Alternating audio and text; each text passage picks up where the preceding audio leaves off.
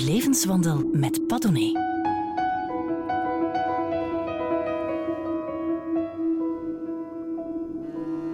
Het is niet al kommer en kwel in de journalistiek. Af en toe valt je in mijn stiel een extraatje te rapen waar je het misschien wel voor doet. Zo bijvoorbeeld het atelier bezoeken van een beeldend kunstenaar van wie je vindt dat er meer als haar mochten zijn, maar dan was ze weer niet uniek.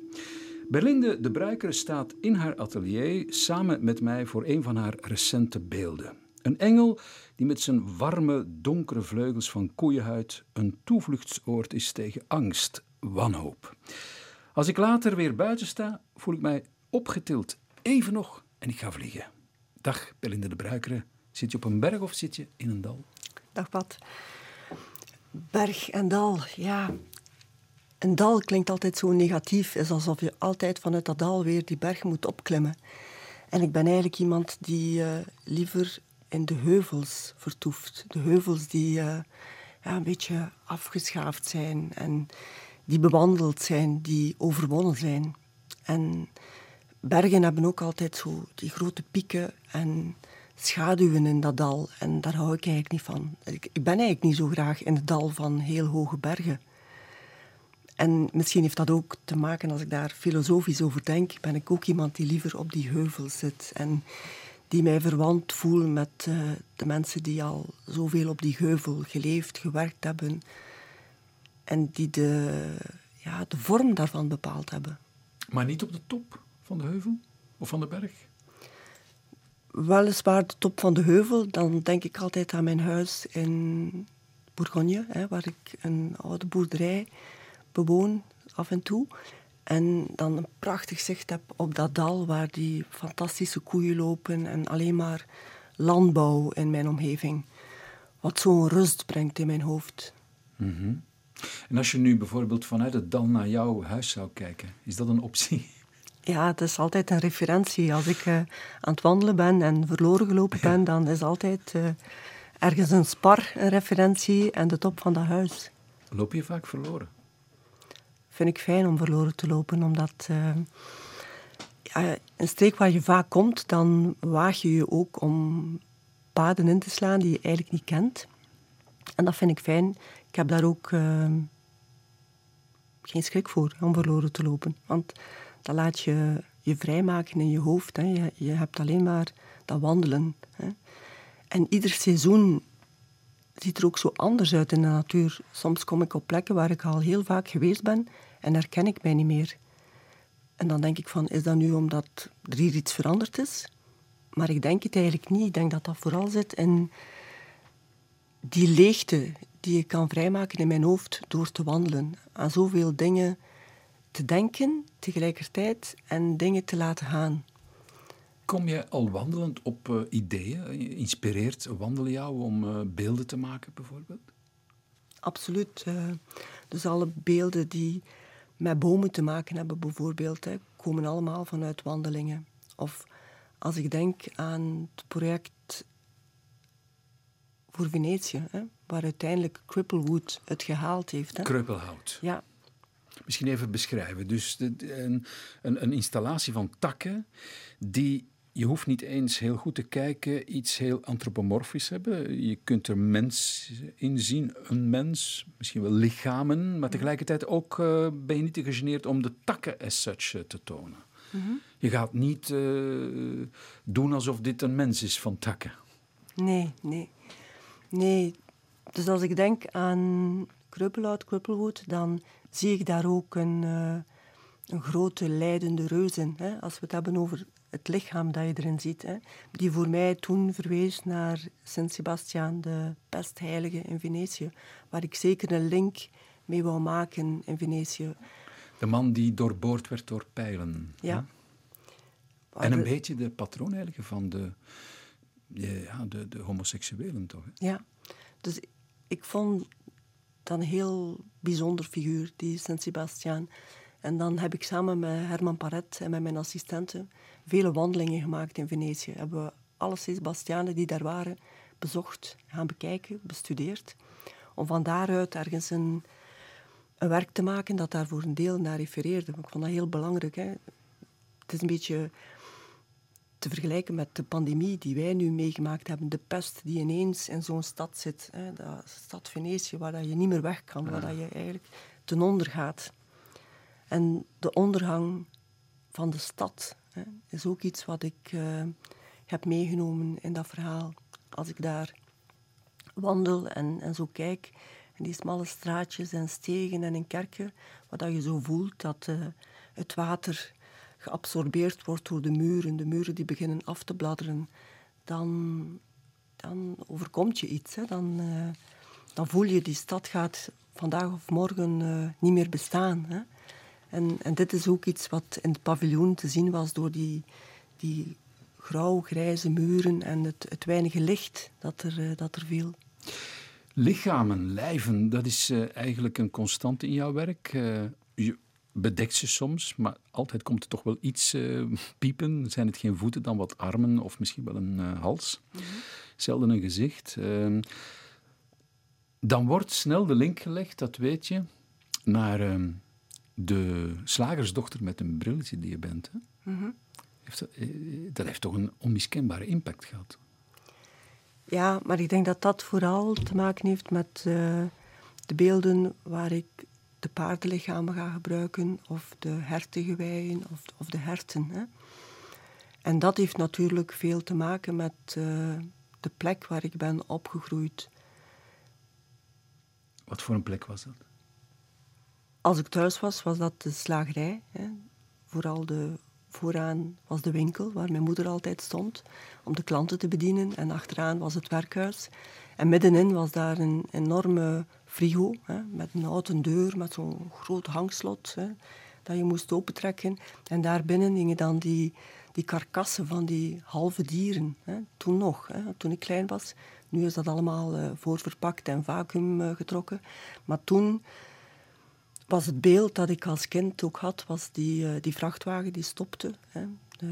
Die mannen kwamen daaruit met die witte schorten aan, die vol hingen al met bloed van die karkassen te dragen. En die sleepten dan nog wel over de vloer om die in die frigokast binnen te hangen. Die kwamen letterlijk van de slachterij? Ja, die kwamen van het slachthuis waar ze waarschijnlijk al een paar weken verstorven uh, waren. Hè. Dus dat was niet letterlijk rechtstreeks uit het slachthuis, maar dat was de manier waarop dat die halve lichamen van dieren werden binnengebracht. En ik was nog heel klein, hè, dus dat beeld zit echt wel ergens op mijn netvlies. Maar ik ben daar eigenlijk nooit bang voor geweest, omdat uh, die mannen die dat deden, die mannen die die dieren droegen, waren eigenlijk allemaal heel lieve mensen. Hè. Die, nadien kwamen die bij mijn ouders aan de keukentafel zitten om een koffie te drinken. En ik zat bij hen op schoot. Hè. Dat dus waren ik... geen beestenbeulen? Nee. Dus ik denk dat daar van komt dat ik eigenlijk ook geen angst heb voor die grote dode dieren. En jouw vader, hè, de slager, die moest dan die karkassen gaan bewerken? Ja, die maakte daar dan ja, entrecoten en allerlei fijne, vlees, fijne vleeswaren van hè, uiteindelijk. Ja. En, en, dat zag je als kind, dat hij daarmee bezig was? Fascineerde jou dat? Ja. Goh, ik was gewoon om dat te zien. Ja. Hè. Fascineren. Als kind sta je daar eigenlijk niet bij stil van waar dat, dat komt. Hè. Eigenlijk zelfs niet bij het dier. Hè. Uiteindelijk wat binnengebracht was, werd, was vlees. Hè. Vlees dat verwerkt werd om, om mensen gelukkig te maken. Hè. Want mijn moeder was een fantastische vrouw die uh, heel veel van haar klanten hield en voor iedereen het beste wou. Heel mooie mensen waren dat mijn ouders. Ja? Of zijn dat, ja. je glundert als je het zegt, dat is mooi. Als je, um, goed, een, een, een heel groot deel van je, van je kindertijd, van je vijfde tot je veertiende breng je door in het internaat. Hoe moeten we ons dat voorstellen? Als ik daar één woord zou kunnen opkleven, denk ik dat dat dan een heel grote eenzaamheid is. Omdat je, als je vijf jaar bent en als kind daar naartoe gaat... Ik had ook geen broers of zussen. Hè. Um, enig kind? Enig kind, hè. Maar uiteindelijk weet je van niet beter. Hè. Ik kon ook niet vergelijken met iets, iemand of iets anders. Hè. Maar dan zit je daar toch ja, als heel klein meisje, hè, uh, tussen die nonnen, hè, waar je je echt moet gedragen en waar er heel weinig uh, ruimte is voor, uh, geen ruimte voor een knuffel, geen ruimte voor een gesprek dat kinderen met hun ouders kunnen hebben, of de vragen die je als kind hebt, die konden niet gesteld worden. Maar hoe doe je dat dan? Want je bent opgroeiende puber. Je bent een adolescent, je zit met een lichaam dat uh, verandert. Je zit met heel veel uh, vragen, denk ik, uh, waar iedereen mee zit op die leeftijd. Ja, ik denk dat ik dat van kleins af aan altijd heb um, uitgewerkt, zeg maar. Hè. In tekeningen en in, in bezig zijn met, met poëzie en toch wel veel lezen. Ik, ik herinner mij dat um, in het internaat hadden we een bibliotheek. Hè. Maar daar mocht je eigenlijk alleen de boeken lezen die voor jouw leeftijd waren. Hè. Wat ik nooit gedaan heb. Uh, mocht niet naar die andere uh, kast gaan waar dat de boeken de interessante stonden, boeken. interessante boeken stonden. Ja. Dus uh, er was wel één rek en dat rek was uh, gevuld met uh, ons erfdeel, hè, wat nog altijd bestaat. Hè, waar dat je dan wel dingen kon lezen en poëzie. Ik denk dat ik daar een beetje de poëzie uitgehaald heb. En waarom poëzie? Hè, zeker voor een kind, dan denk je dat, dat begreep je toch niet. Hè? Maar misschien heeft dat ook veel te maken met het feit dat je daar, hè, zoals ik zei, als kind, als opgroeiende puber, um, voor alles eigenlijk alleen stond. En voor alles zelf een antwoord moest vinden. Was je een eenzelvig kind? Op jezelf aangewezen? Goh, ik had veel vriendinnen in het internaat, hè, dat mm. wel. Maar ja, de, de gesprekken bijvoorbeeld die ik met mijn kinderen heb nu, hè, die 23 en, en 16 zijn, die heb ik nooit met iemand kunnen voeren. Hè. En als ik die al had, angst voor iets, dan, dan werd dat eigenlijk uitgewerkt in tekeningen en in, in schrijfsels. Zoals niet... nu nog altijd. Ja, ja. Maar is het niet gek, maar tegelijkertijd misschien ook wel vanzelfsprekend. En je ziet het vaker terugkomen dat die thema's die zo belangrijk zijn in jouw latere werk, angst, isolement ook, eenzaamheid, de lijven, dat je die al terug kunt voeren naar je kindertijd. Ja. Want je zegt, internaten staat voor mij gelijk aan eenzaamheid. Ja. Maar dat zie je voortdurend in je werk. Mm-hmm. Ik denk dat je daar ook wat ouder moet voor geworden zijn om dat te durven zien. Dat Ah, dat daar al begint. hè. Misschien heb ik die periode ehm, ook een beetje opzij geschoven ehm, op een bepaald moment, omdat ik daar eigenlijk niet zoveel wou aan terugdenken. Uit angst? Nee, want ik heb daar ook heel goede herinneringen eh, aan over. Hè. Het is niet alleen eh, kommer en kwel. En uiteindelijk, die eenzaamheid, ik zie die ook niet als negatief. Ik denk dat dat echt ehm, een beleving is die veel mensen goed zou doen om dat te hebben. Een keer eh, in eenzaamheid te zijn en de dingen te kunnen overdenken. En Het is wat, wat eh, Sartre zegt, hè, si vous vous sentez seul, quand vous êtes seul, vous êtes en mauvaise compagnie. Ja. Als je ja, je eenzaam voelt, wanneer je helemaal alleen bent, dan zit je gewoon in slecht gezelschap. ja, dat is ook zo. Kun jij goed alleen zijn? Ja, en nu ben ik in mijn atelier veel minder alleen, hè, om- omdat ik met een aantal mensen samenwerk. Maar de laatste jaren heb ik ook daar weer voor geopteerd om toch vaker alleen te zijn in mijn atelier. Dus de, de momenten van samenwerking eerder te beperken dan meer mensen en, en, en vaker. Omdat ik wel voel dat ehm, de stappen die je, die je zet als kunstenaar, eh, hebben ook die, eh, die ruimte en die mentale ruimte in mijn hoofd nodig om dat te laten gebeuren. Want zeker na een loopbaan, of hoe noem je het? eh, Carrière. carrière hè, van meer dan 30 jaar en, en succesvol te zijn op een bepaald moment, dan, dan is het nodig ook om af en toe eh, ja, periodes in te lassen waar dat er weer dingen kunnen gebeuren. En, en te stoppen en totaal opnieuw te beginnen, zeg maar. Jezelf eruit te vinden. Ja. En misschien is dat ook iets wat de laatste jaren eh, vaker gebeurt. Hè. Als ik denk, eh, de tentoonstelling die ik gemaakt heb twee jaar geleden in San Gimignano, voor de galerie, daar heb ik het thema van het bed teruggenomen. Een werk dat ik gemaakt had in de jaren 96. Wat ik nooit verwacht zou hebben dat ik dat zou doen, maar uitgaande van de plek waar ik die tentoonstelling had, was een oud appartement met prachtige muren die echt de sporen toonden van zo'n oude palazzo. Afgebladderde muren, prachtige plafonds die uitkeken op een plein.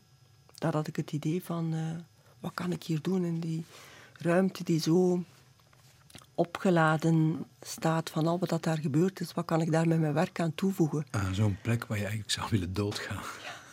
En ze noemde dat het appartement. Dus appartement heeft in mijn lezing altijd ook veel te maken met een plek waar mensen wonen. En wat heb je dan nodig? Je hebt nodig een bed, een tafel en een kast. Hè? En vanuit die drie heel simpele, ja, iconische beelden heb ik deze volledige tentoonstelling opgebouwd. En heb ik ook zo terug een tweetal bedden gemaakt die ik in het appartement heb uh, geplaatst. Maar die zoveel meer uh, waren dan het werk dat ik in de jaren 90 heb gemaakt. En wat doe je met dat bed dan? Dus het bed, misschien moet ik beschrijven, uh, Ja. het bed in de jaren 90 was een bed eh, die ik gemaakt had voor de tentoonstelling in het Muka. Een slaapzaal met een aantal bedjes die opgebouwd waren door 70, 100 lagen met dekens die allemaal doorboord werden. Hè, allemaal met de schaar heel netjes uitgeknipt, prachtige kleuren. En je kon heel dat verloop zien van die diepe gaten die geknipt waren.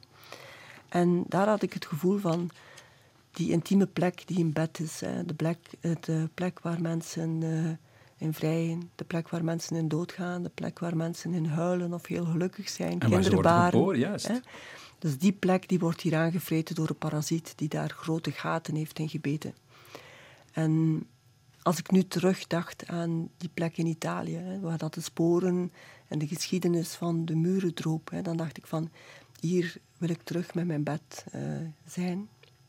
En dan heb ik twee bedden gemaakt, waar ik de dekens eerst uh, op mijn mesthoop heb laten verkleuren, um, vergaan, zeg maar. Hè. Dus alle kracht van kleuren, alle stevigheid van het deken, waar een deken voor staat, dat het uh, iemand kan beschermen en warmte, geborgenheid geven, was helemaal weg. Hè. En met die kapotte dekens heb ik toch wel weer die stapelingen gemaakt en daar een volledig bed mee uh, bekleed. Daar ook terug die prachtige gesteven witte lakens opgelegd en, en fluwijnen. En daarboven heb ik nu, in plaats van de gaten die erin gemaakt zijn, want de gaten waren nu gemaakt door de natuur, door de tijd en door de elementen, heb ik een aantal takken erop gelegd. En een van die twee bedjes, die uh, heb ik genoemd Walburga.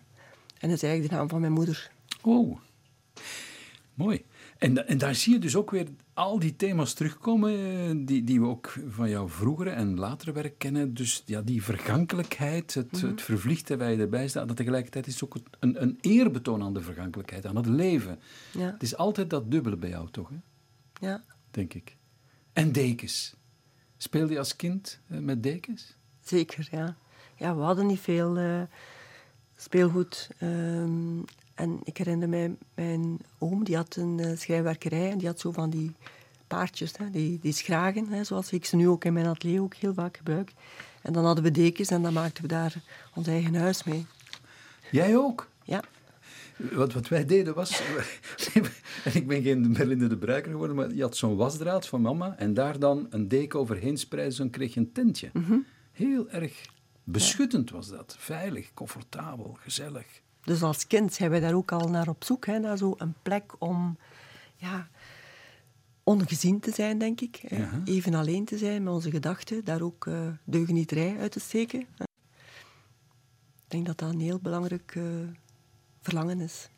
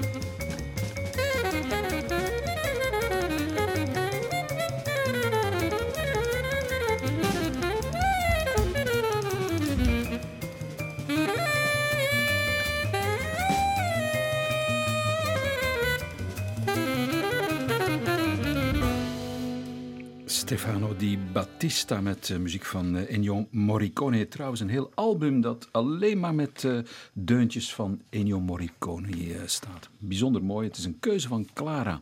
Bij mij zit Berlinde de Bruikere. Zij is natuurlijk beeldend kunstenaar Berlinde.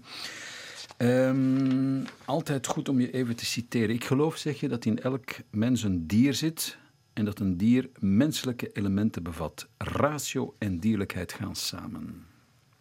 Hoezo zijn wij dan en beest en mens? En is een dier en beest en mens? Dat is een heel straffe uitspraak, maar ik denk het wel. Want hoe zouden wij anders in staat zijn tot zoveel gruwel als mens? En anderzijds, hoe zou een dier zo graag geaaid worden en op de schoot liggen? Maar verbeelden we ons dat niet? Dat een dier dat graag heeft. Ja. Dat denk ik niet. Het is toch eigen aan mensen dat ze allemaal wel een dier hebben waar ze iets mee hebben. Hè? Mensen die huisdieren hebben of mensen die paardrijden bijvoorbeeld. De relatie die mensen met paarden hebben is fantastisch. Hè? Ik kom vaak mensen tegen die uh, paarden kweken. Of uh, in de jacht waar mijn vader uh, jaagt, daar is ook een, een plek waar paarden zitten met een karakterstoornis en die dan bereden worden. Hè, om die terug ja, bereidbaar te maken. En dat kan, dat kan? zo schoon, ja. Een paard dus met een karakterprobleem? Ja. Maar als wij dat hebben, dan gaan we naar de psychiater? Ja, maar daar zijn mensen die daarvoor zorgen en die daar terug uh, ja, dat paard genezen, zeg maar. Dat zijn paardenpsychiaters. Je hebt een boek eh, meegebracht dat eh, eigenlijk over gruwelen gaat, maar ook weer niet. Eh, John Williams, Butcher's Crossing. een heerlijke soort van western. we zijn 1870 en de daaropvolgende jaren. En Butcher's Crossing is een fictief dorp, een fictieve grens in Kansas, in de Verenigde Staten, waar William Andrews woont. Dat is een jonge Harvard-student. En die gaat eigenlijk uh, samen met enkele buffalo-jagers uh, op, uh, op exploratie. Um, het is een boek dat als je het leest, um, je eigenlijk met de neus op de feiten drukt dat, ja, wij zouden dat vandaag met al onze ja, gevoeligheden heel erg gruwelijk vinden. Maar ik neem aan dat jij dat anders bekijkt als dochter van. Want je gaat een fragment lezen dat... dat... Ja, dat is een heel uh, stevig fragment. Ja. Gevoelige luisteraars wezen gewaarschuwd. uh, waar gaan we naar luisteren eigenlijk? Ik zou het liever uh, eerst voorlezen en er dan over praten. Prima. Hij koos een lang, krom mes, pakte het stevig in zijn rechterhand. Met zijn linkerhand trok hij de dikke kraag van bont om de hals van de bison naar achteren. Met zijn andere hand maakte hij een kleine snee in de huid en trok het mes vlug vanaf de keel over de buik. Met een zacht, scheurend geluid ging de huid netjes open. Met een korter en dikker mes sneed hij om de zak met de testikels heen, sneed de strengen door waarmee ze samen met de slappe penis aan het lichaam zaten. Gij scheidde de testikels, zo groot als kleine wilde appels, van de andere delen van de zak en wierp ze opzij, waarna gij de resterende stukje huid tot aan de anus doorsneed. De ballen bewaar ik altijd, zei hij, die smaken fantastisch. En je krijgt er een stevige pik van, behalve als ze van een oude stier komen, dan kun je er beter afblijven. Belinda de Bruiker las uit Butcher's Crossing van John Williams. Is hier een, uh, een man die eigenlijk een, een stier uh, behandelt en uh, de stieren kloten, zal ik maar zeggen, um, scheidt van de rest van het, het lijf, als ik het goed begrijp. Mm -hmm. um, het is een man. En je zegt dat is geen toeval. Nee, omdat ik heb ook heel specifiek dit fragment gekozen, hè, met de gedachte aan dat boek. Hè, toen je mij vroeg om, om citaten te kiezen dan was Butcher's Crossing voor mij een heel gruwelijk boek. Hè. En die gruwel in, in dat boek had eigenlijk voor mij weinig te maken met de gruwel waar ik al vaak mee geconfronteerd word, zijn de werken met dode paardenlichamen. Omdat daar de, de veelvraat zo aanwezig was. Hè. Dat massaal slachten, dat massaal slachten, heel dat landschap dat daar ligt met die uh, gevilde dieren. Hè. Al die huiden die ze willen recupereren. En het is nooit genoeg. En uiteindelijk de, de karren waarop dat ze ze geladen hebben, die, die storten ineen, die storten van de ravijn. Hè. En uiteindelijk dat ze daar zijn, doordat ze altijd meer en meer wilden, dan geraken ze daar niet meer. Want de rivier is ondertussen gesmolten en ze geraken daar niet meer. Dus dan denk ik van, wat gaat er om in, in dat hoofd van die mannen? Hè? Wat, wat, gaat er om? Uh, waarom hebben ze het eigenlijk allemaal gedaan? Hè? Die grote eenzaamheid ook, die daar moet geweest zijn. Alleen die mannen op die tocht en alleen maar dat doden. Hè? Doden van bizons. Doden van bizons. En als die man dat beschrijft, hè, toont aan die anderen hoe dat hij het doet. En dat echt mannelijke verhaal van die testikels op te eten om, om daar... Uh, een stijve pik van te krijgen, dan denk ik van, dat is echt mannentaal. En dat, dat bewijst ook die, dat dat de manier is om zich te verhouden tegen zoveel dood en zoveel gruwel. Dat ze daar eigenlijk zelf niet mee omkomen en daardoor zoiets stoer moeten doen en dat ook meegeven als uh, ja, manier om, om, om, daarmee om te gaan. En het eten van die testikels, van die stierentestikels, geeft hen een soort van kracht, denken ze? Want dat zie je wel vaker hè, in heel veel culturen terugkomen. Ja. En vrouwen doen dat niet. Nee. Waarom niet? Maar ik denk dat dat echt te maken heeft, heel vaak heeft het te maken met, uh, met slachten. Hè? Met, met slachten. En dat slachten op zich is ook iets, iets heel mannelijk, denk ik. Hè? Van, door de eeuwen heen zijn het altijd de mannen die moeten jagen hebben en de vrouwen die er iets moeten hebben mee doen. Hè? Dus ik denk dat dat in onze, in onze genen zit. Maar Eros en Thanatos, hè, want daar hebben we het hier ook over natuurlijk, heel mhm. klaar en duidelijk. Het is niet voor niets dat het testikels zijn. Dat is ook zoiets waar jij ontzettend mee bezig bent in je, in je werk. Hè? Ja. De dood en de seks. Maar dat zijn ook de twee thema's in het leven waar het over gaat, hè, Pat? Er is niet veel meer, denk ik. Uh... Nee, misschien niet. nee, misschien niet. Nee, misschien niet.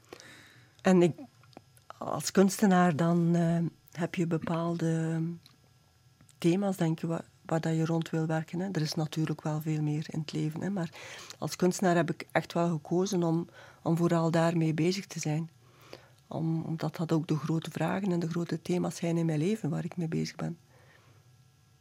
Je, we zullen er misschien nog straks op terugkomen, maar op een bepaald moment uh, heb je heel veel vagina's ook getekend. Mm -hmm. Ja, de vagina's natuurlijk, l'origine du monde, daar begint het leven natuurlijk. Maar tegelijkertijd, uh, paradoxaal genoeg, eindigt uh, dat ook op een bepaald moment. Hè? bedoel, dan rol je naar dat gat in de grond. Uh, is dat iets waar jij... Um, en tegelijkertijd doe je dat heel expliciet. Mm -hmm. schrik ik soms van. Ik dacht, zo'n, ook wel soms tedere vrouw, maar ook heel expliciete seks. Mm -hmm. Dan heb je het vooral over die tekeningen die ik gemaakt heb, uh, It Almost Seemed a Lily. Juist. waarin ik vertrokken ben van, ja, stel u voor mijn tekenkamer, waar dan uh, heel expliciete seksuele organen op mijn screen staan en tegelijkertijd in, in vazen verwelkte bloemen en foto's van verwelkte bloemen. En dan heb ik geprobeerd eigenlijk om daar ja, één beeld van te maken, één tekening. Om, om net dat heel tedere moment van die bloemen die vergaan en die eigenlijk heel kwetsbaar en ja, bijna de structuur, de blaadjes van de lelies krijgen de structuur van, van een verouderde huid. Hè. En dan dat niet laten gebeuren door daar een, een, penis, een fallus eigenlijk aan te verbinden die ja, zijn zaad spuwt en leven uh, voortbrengt. Ejaculeert. ja, dat vond ik een heel mooi idee. Om, en daardoor had ik ook die, die geslachten zo letterlijk nodig. Hè. Ken je de foto's van Robert Mapplethorpe van uh, Lelies? Hè? Dus die stamper die echt een soort van... En hij is een homoseksueel die een, een, een soort van uh, erectieve penis is. En tegelijkertijd die blaadjes die in volle bloei zijn, bij jou dan verwelken ze. Ja. Ze kan het niet laten. Nee. nee, dat denk je dan toch? Hoe is dat toch mogelijk? Ja, ja. Omdat ik, ik, heb heel vaak uh, lelies uh, in ons huis. En ja, die lelies hebben altijd een onverdraaglijk moment. Hè. Zeker die rozen, die beginnen op een bepaald moment te geuren. Oh, verschrikkelijk. Waar dat. je eigenlijk de kamer niet meer kan binnenkomen. Hè. Dat Dus is toch zo, hè? Peter zegt tegen mij van... Je moet Peter er is jouw man, Ja. ook kunstenaar. je, je mag er kopen, maar dan alleen nog witte. Die, die niet die eh, verschrikkelijke geur... eh, Oh, vreselijk. Terwijl ik kan dat eigenlijk wel graag hebben, omdat ik vind het zo een, ja, die bloem op dat moment, eh, dat is echt in volle bloei staat, wulpses en die geur verspreidt, vind ik heel schoon. Er zijn eigenlijk weinig bloemen die dat kunnen. Hè, om zo tekeer te gaan. En dan vind ik ze mooi als dat moment er geweest is, dat ik ze dan ook zie uit elkaar vallen. En Toch wel, ja. Ja. Je laat ze staan in je ik laat kamer. ze staan totdat ze ja, uit elkaar vallen. En dan nog ga ik er eh, een aantal van recupereren, die ik dan op mijn tekenkamer zet. En die dan mogen drogen en dan weer ergens zullen eh, ja, nagetekend worden of een, of een plek krijgen. Maar van waar komt die bijna obsessieve fascinatie voor dat vergankelijke? Want dat had je als jonge vrouw ook al, hè? Misschien als kind wel. Ik, ja, ik heb ook altijd van eh, oude dingen gehouden. Hè? Eh, oude meubels, oude huizen, oude, oude dingen. Oude scholen waar je een atelier Ja, maakt. ja ik, ik denk dat ik heel moeilijk zou kunnen aarden in eh, iets helemaal nieuw, nieuw, nieuw. Hè? Iets wat dan niet opgeladen staat, omdat ik altijd heel nieuwsgierig ben naar ehm, wie er bijvoorbeeld daarvoor in dat huis heeft gewoond. Of, eh, ik herinner mij voor eh Campus Santo in 1999 heb ik eh, 500 stoelen verzameld, omdat ik daar een installatie wou mee maken in de Campus Santo kapel. Dat is toch het kerkhof in Gent? Ja. En dan heb ik alle kringloopwinkels, alle brokante zaken afgelopen om die stoelen te vinden. En ik herinner mij nog dat ik naar iedere stoel keek, alsof ik keek naar een personage. Hè. Want de stoel waarop dat jij gaat zitten, of de plek die jij hebt aan tafel, dat is jouw plek. En die stoel die gaat er nadien een spoor van dragen. En dat is wel iets wat mij fascineert, om eh, te zien hoe wij allemaal op, op onze eigen manier de wereld toch wel een stukje bepalen. In Japan hebben ze daar wabi-sabi voor, het begrip. eh, Eigenlijk de ouderdomsglans die de dingen krijgen en pas dan waardevol worden. Zoiets? Voor mij. Hè? Ja. Ik, ik denk dat ik daar eh, inderdaad heel extreem in ben om vooral zo echt oude dingen eh, te zoeken en te vinden.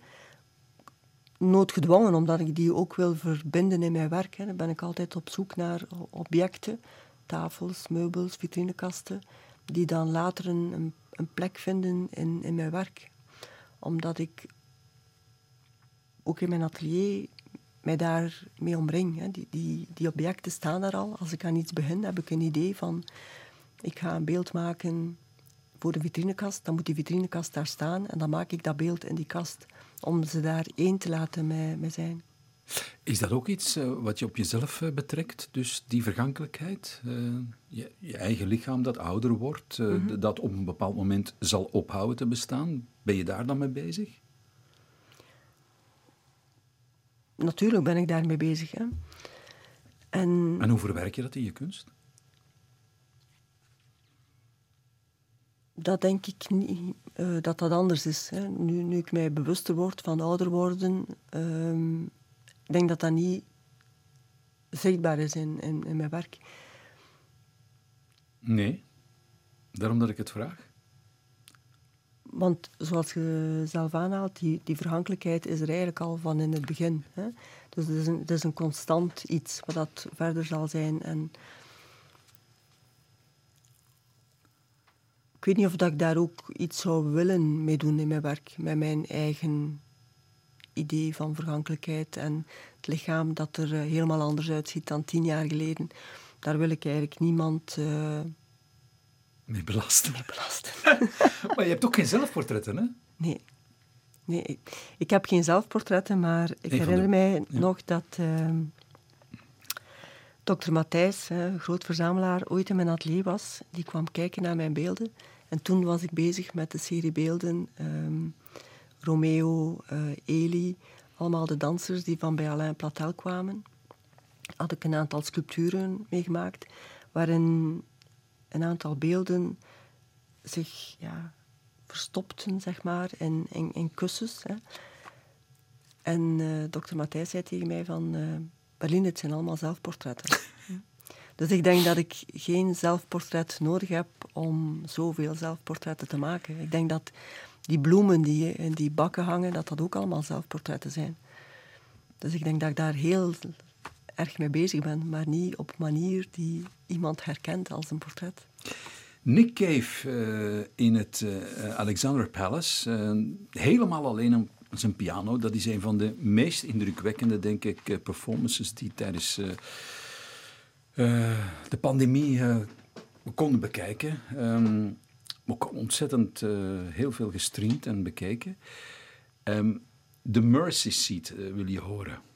Dus eigenlijk een Volgens mij verwijst dat naar twee dingen. De, de mercy seat, ja, de genadestoel, die, uh, de elektrische stoel is voor ter dood veroordeeld, maar toch ook een soort van verzoendeksel, een platte bovenzijde mhm. van de ark van het verbond. Hè. En je mhm. bent iemand die de christelijke iconografie heel goed kent. Um, heeft het daarmee te maken, de keuze? Ja, ik ken heel veel van Nick Cave. Nick Cave is uh, ja, zijn lyrics is iets wat ik heel vaak lees en, beluister. Uh, ten alle tijden. Hm? Maar ik heb het vooral ook gekozen omdat dat uh, nummer dat hij nu herspeelt hè, in Alexandra Palace, helemaal alleen op piano, zoveel jaren later op een heel andere manier. En daar voel je zo de, de rijpe artiest die uh, zichzelf weer in vraag stelt, die naar zichzelf kijkt en door alles wat dat er ontbreekt, hè, geen, geen publiek, geen uh, tours meer, zo op zichzelf teruggeworpen wordt en, en dat nummer daar speelt, vond ik heel, heel mooi. En wetende dat die een van zijn meest dierbare, een kind, heeft verloren. Absoluut, absoluut, ja. Ik denk dat dat ook heel hard meespeelt in, in de traagheid van dat nummer nu. Ja? Hè. Ik... Uh, ik heb er al zoveel versies van, van gehoord. Ook de, David Cash heeft er een, eh, een, versie van gemaakt. Allemaal zo mooi en zo juist. Maar dan degene die ik nu wil laten horen is voor mij toch wel de mooiste.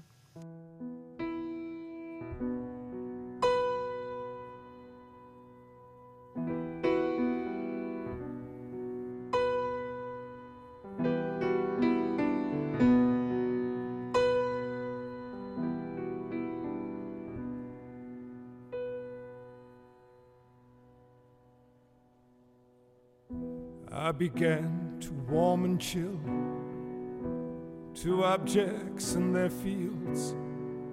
A ragged cup, a twisted mop, the face of Jesus in my soup, those sinister dinner deals, a meal trolley's wicked wheels, and a, a hook bone rising from my food. All things good or ungood the mercy seat is a waiting, and I think my head is a burning. In a way, I'm yearning to be done with all this measuring of truth. An eye for an eye, and a tooth for a tooth. And anyway, I told the truth, and I'm not afraid to die.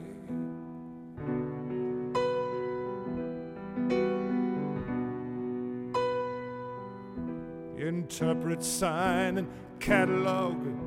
A blackened tooth, a scarlet fog. The walls are bad, black bottom kind.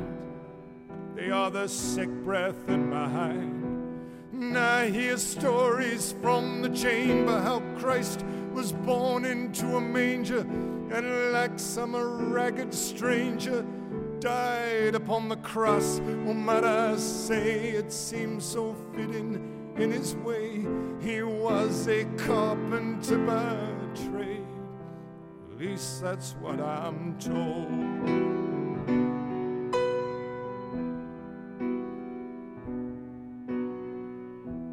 My good hand tattooed evil across his brother's fist. That filthy five did nothing to challenge or resist.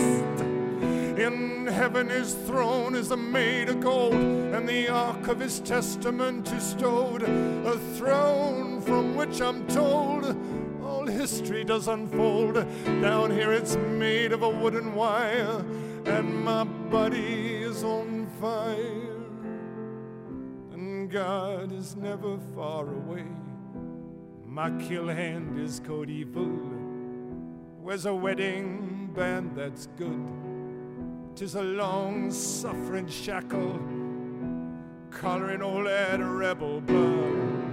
And the mercy seat is a waiting, uh, and I think my head is a burning. Uh, in a way, I'm yearning to be done with all this away and up a truth. An eye for an eye and a tooth for a tooth. And anyway, I told the truth and I'm not afraid to die. And the mercy seat is a burning, and I think my head is glowing. In a way, I'm hoping to be done with all this weighing up a truth. An eye for an eye and a tooth for a tooth. And anyway, I told the truth and I'm not afraid to die. And the mercy seat is a smoking, and I think my head is melting in a way. I'm helping to be done with all this a twisting of the truth. A lie for a lie and a tooth for a tooth. And anyway, I got nothing left to lose. And I'm not afraid to die. Melting, uh, and I think my blood is boiling. Uh, in a way, I'm spoiling all the fun with all this truth and consequence. A lie for a lie and a truth for a truth. And anyway, I told the truth. And I'm not afraid to die.